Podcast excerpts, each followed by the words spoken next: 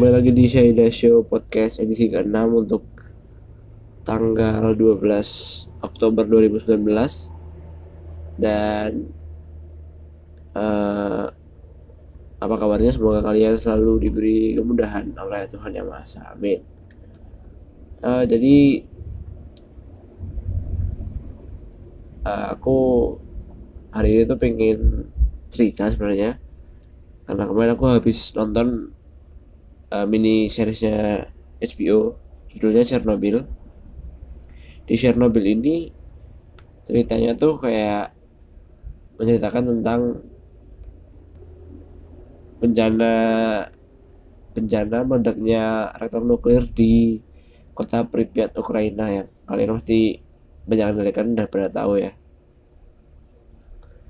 Dan di Chernobyl ini tuh diceritakan bagaimana Uni Soviet waktu itu sangat membatasi informasi tentang bencana ini gitu. Jadi sebisa mungkin tuh dunia jangan tahu kalau misalkan ada reaktor nuklir milik, milik Uni Soviet yang meledak.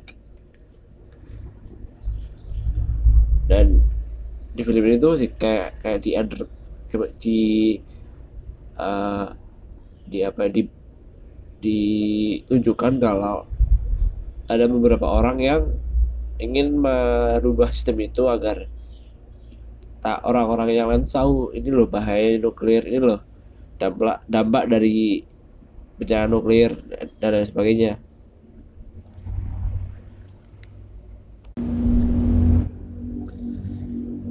Yang membuatku tertarik adalah uh, tentang itu loh. Tadi kan si si apa namanya film ini tuh uh, membahas tentang pentingnya keterbukaan informasi gitu kan.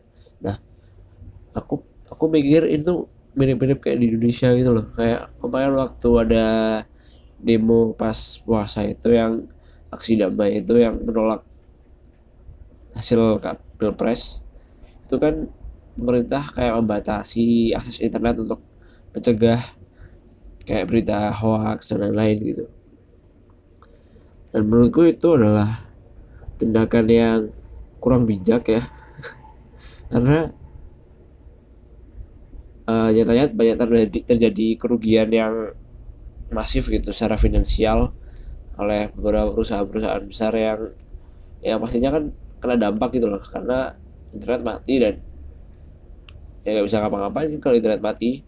Terus terus juga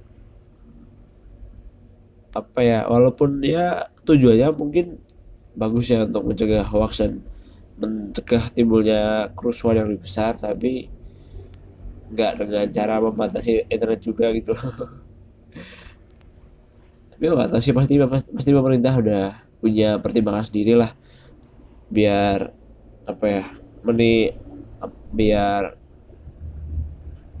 punya pertimbangan sendiri dengan resiko yang seminimal mungkin gitu uh, kemarin juga di Papua waktu rusuh itu juga pemerintah melakukan hal yang sama dengan membatasi akses internet tujuannya juga sama untuk mengurangi atau mencegah terjadinya hoax yang biasanya itu uh, dikhawatirkan dari WhatsApp, Facebook dan lain sebagainya. Tapi ternyata setelah dibatasi bukannya hilang malah itu beredar dari mulut ke mulut gitu. Jadi agak useless lah.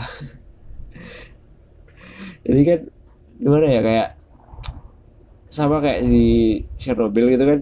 Di Chernobyl tuh karena pemerintahnya Uni Soviet membatasi informasi jadi menimbulkan banyak korban jiwa dan apa kayak kayak apa ya kayak seharusnya tuh bisa dicegah gitu seharusnya bisa di seharusnya tuh orang-orang itu bisa nggak meninggal kalau misalkan pemerintahnya memberikan informasi yang jelas.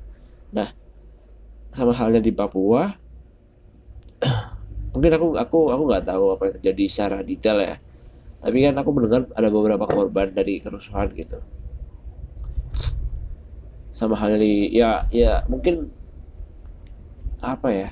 Kayak ya aku poinku adalah sebenarnya tuh informasi kepada publik itu harus disampaikan secara transparan gitu ya. Mungkin ada beberapa informasi yang memang harus dirahasiakan gitu. Tapi kalau misalkan uh, berdampak berdampak dalam skala nasional tuh sebaiknya tuh disampaikan secara transparan agar publik juga tahu mana yang benar mana yang salah gitu. jadi tidak ada informasi atau semacamnya gitu.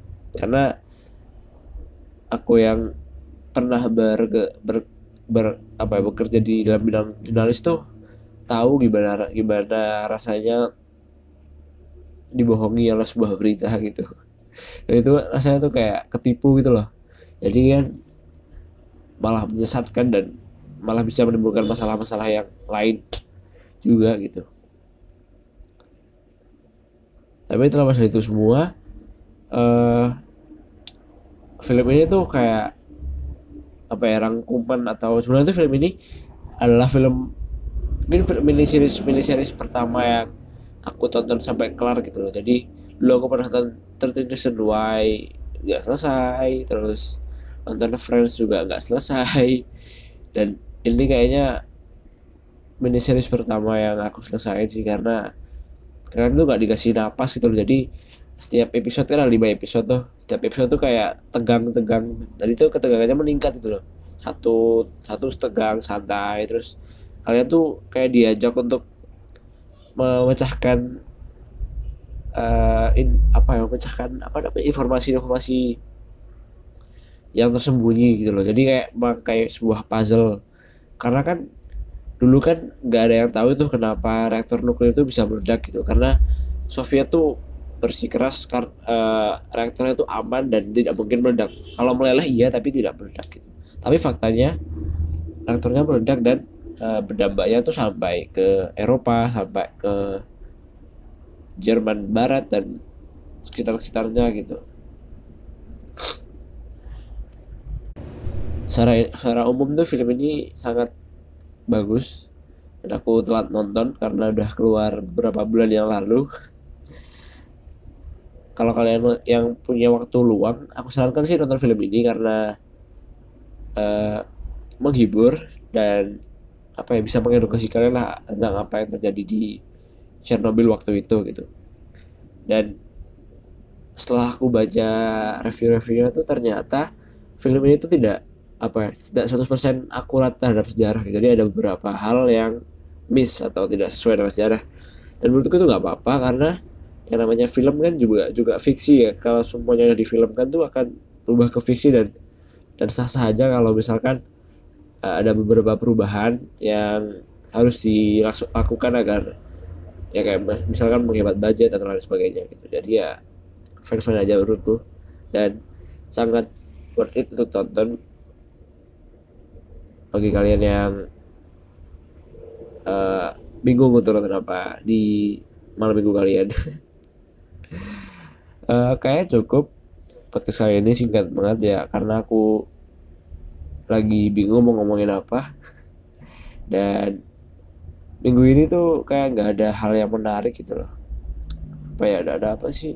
Kayaknya sih nggak ada hal yang oh iya itu uh, juga uh, semoga Pak Wiranto cepat cepat sembuh karena ditusuk dari belakang oleh oleh orang seorang yang yang diduga adalah ISIS. Tapi ya ya kita nggak tahu.